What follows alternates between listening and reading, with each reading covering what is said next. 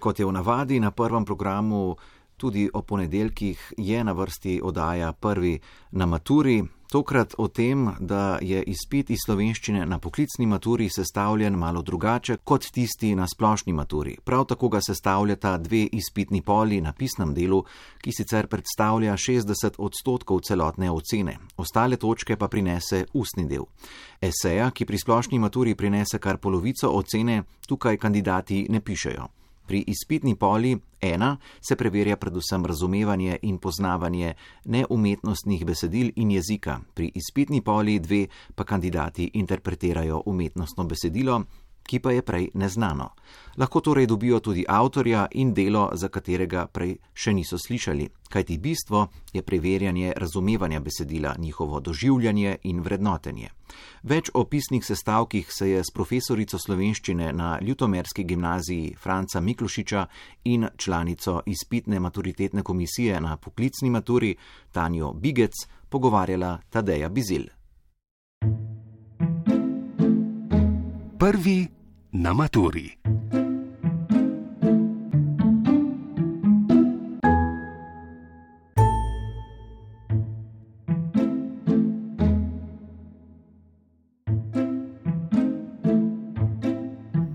Šestdeset minut časa imajo kandidati na poklicni maturi pri prvi pisni izpitni poli iz slovenščine. Zdaj najprej seveda treba besedilo prebrati.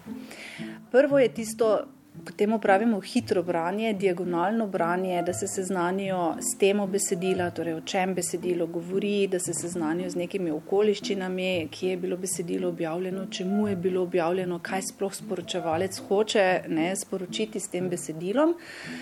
In potem seveda sledi en taki hiter pregled nalog. Zmeraj svetujemo, da je treba naloge reševati postopoma. Torej, začeti pri prvi nalogi, iti k drugi in tako naprej. Torej, nikoli nekje na koncu, ker se te naloge povezujejo. So tudi smiselno povezane in ta vrstni red, ki se zgodi pri izpitnih polah, je načrtno tako narejen. Torej, niso naloge kar nametane, pomeni, da prva naloga pripelje k drugi, in včasih se mogoče pri tretji nalogi skriva že kakšen odgovor, ki je potem uporaben tudi pri peti, tako da zmeraj torej slediti vrstnemu redu. So pa seveda potem naloge, ki so izrazito pomenske, in pri teh nalogah se potem normalno kandidati vračajo besedilo, iščejo, cefrajo, zelo natančno preberejo določene odstavke. E, tako da to je, to je ta običajni, tudi naravni vrstni red reševanja pol. E, potem pa zdaj tako, ne, če kandidati ugotovijo, da kakšna naloga povzroča težave, da se more biti tam zadržijo preveč časa, jo je smiselno morda preskočiti, iti potem normalno naprej in se po potrebi eh, vračati k njej. Nikakor pa ne skakati z prve na konec, pa spet nazaj. Katere so tiste naloge, ki so pri tem pisnem delu slabše ocenjene, profesorica Tanja Bigec? To ugotavljamo že nekaj let, to je en taki spet ponavljajoči se vzorec. Eh, najslabše eh, so reševane naloge, ki preverjajo metajezikovno znanje. To so naloge, kjer je potrebno dokazovati res tisto teorijo jezika, naprimer določati besedne vrste, poimenovati neke določene jezikovne slovnične oblike. Tako da to so seveda tudi najtežje naloge. Ne. Potem eh, jasno je seveda pričakovano, da bodo dobro diferencirale naloge, kjer je potrebno dokazovati neko sintezo, ne, iz nekih podatkov vleči skupaj, povzemati. To je taki pričakovani vzorec. Eh, lepo se pa rešuje običajno naloge, ki so pomenske, torej razumevanje besedila, tu so kandidati zelo uspešni. Eh, zadnje čase, eh, če pogledajo ne, te izpitne pole, recimo lanskega, predlanskega leta, se veliko krat pojavijo tudi naloge, ki zahtevajo mogoče njihovo mnenje, ne, vrednotenje, ne samo golo poznavanje izhodišnjega besedila, tako da tudi te naloge se dajo lepo rešiti. Potem pa seveda spet pride jezik, ne, ta pa je že običajni, včasih sovražnik kandidatov, torej treba je res, da paziti tudi na jezikovne napake, pravopisne napake, da se ne povzročajo po nepotrebnem ko se odgovarja na neko nalogo.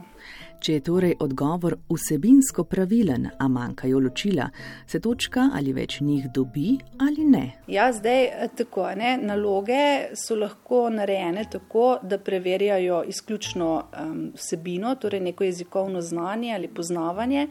Večinoma je pa tako, da zraven pripada še točka za jezik in pravopis. V tem primeru seveda. Uh, mora biti odgovor jezikovno in pravopisno ustrezen, da se dobi tista dodatna točka. Če pa naloga ne zahteva, se pravi, so tudi naloge, kjer je pomembna samo um, vsebina odgovora, ne, tam pa potem tistih točk pravopisnih ni.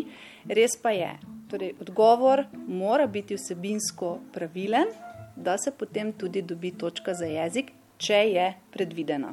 Kaj pa, če kandidati niso prepričani o odgovoru, naj vseeno enega obkrožijo ali raje pustijo prazno, se za napačne odgovore odšteva točke? Ne, za napačne odgovore ne odštevamo točk.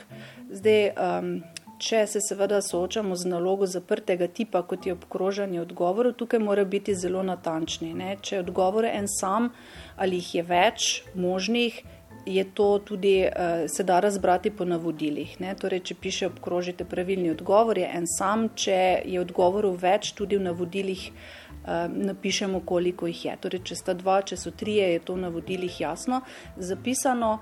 Um, res pa je, ne, če je odgovor en sam, ne sme obkrožiti več odgovorov, kajti če to naredijo, se pa naloga avtomatsko točkuje z nič točkami. Uh, na vsak način uh, naj naloge ne ostanejo nerešene. Ne? Tudi pri nalogah odprtega tipa, če niso prepričani ravno v pravilnost svoje izbire ali pa odgovora, vseeno naj nekaj napišajo. Uh, veliko krat se namreč zgodi, da je znanje, ne? samo oni niso, niso pripravljeni na to, in potem vendarle točke so, tako da vsekakor naj naloge rešijo.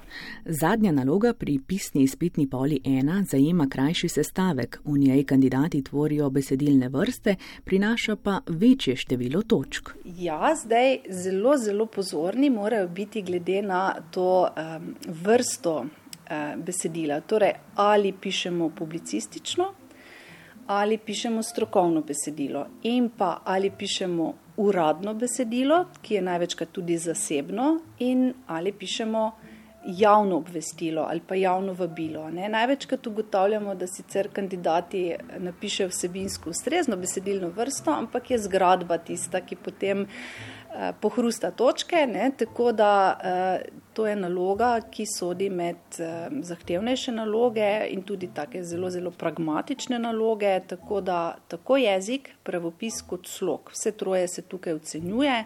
Temu je običajno namenjenih 4 do 6 točk, odvisno od besedilne vrste točkujejo se, se, se pa tako, da eh, se točke odbijajo. Torej, če kandidat eh, naredi veliko jezikovnih napak, se potem ustrezno število točk odbija. Na vsak način pa je treba paziti. In seveda, eh, ko je potem besedilo napisano, svetujemo zmeraj kakšno minuto nameniti temu, da ga še enkrat preberemo. Vsako vejco, ki jo najdemo sami, je, je potem dobrodošlo. Ne, prvi na maturi.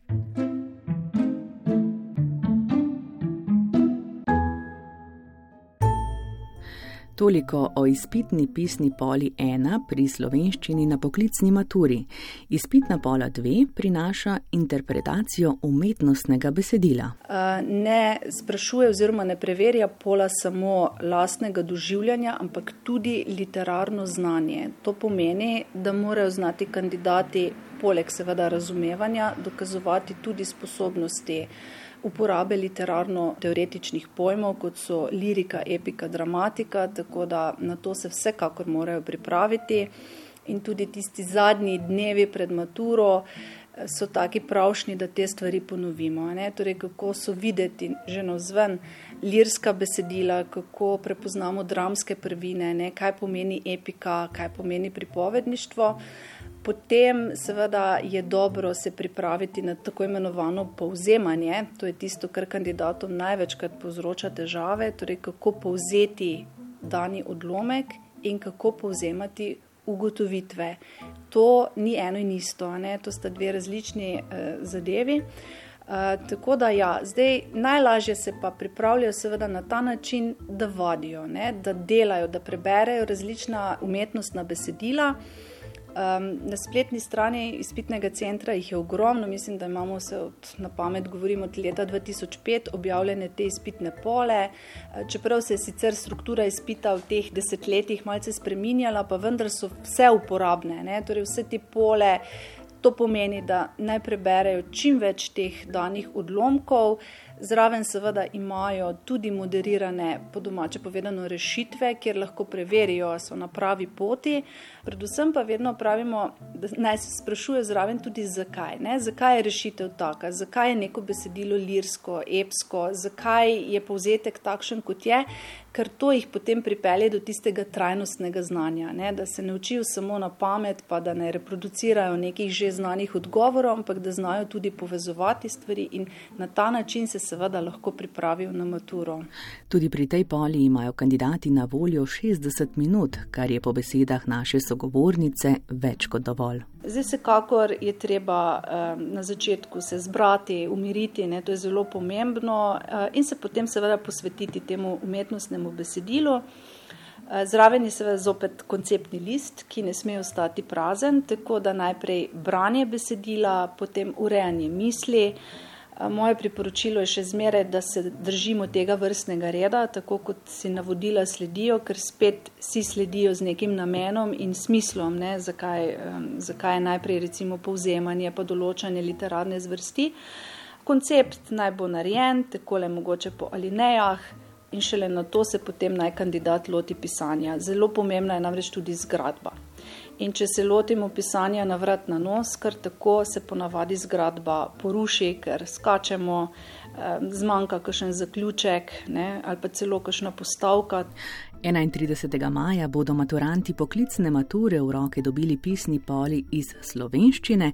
Profesorica Tanja Bigec jim do takrat svetuje naslednje. Na koncu bi rekli, tako zdaj, če gledava izpitno polo ena je mogoče res tisti zadnjih, zadnjih nekaj dni primernih, da ponovijo to um, metajezikovno znanje, torej znanje o besednih vrstah, o recimo nekih poimenovanjih, kako se stopnjujejo pridevniki, kako se tvorijo naprimer svojilni pridevniki, kaj pomeni glagolski vid, kaj pomeni uh, glagolski vem, čas, recimo dovršni, nedovršni glagoli, uh, da jim ti pojmi ne bodo tuji. Veliko krat je namreč škoda, ne, ker kandidati poznajo sicer obliko, ampak jim je tuje neko poimenovanje in naloga zopet ostane nerešena. Tako da tisti zadnji, zadnji veliki finale ali pa zadnja ravnica ne, pred ciljem naj bo namenjena temu, da osvežijo te pojme, terminologijo, kaj pomeni kaj. Pri izpitni poli dve pa naprimer to, ne, kaj je lirika, epika, dramatika, temu namenjamo vendarle dve točki in je dobro, ne, da tudi te dve točki sta. Prvi na maturi.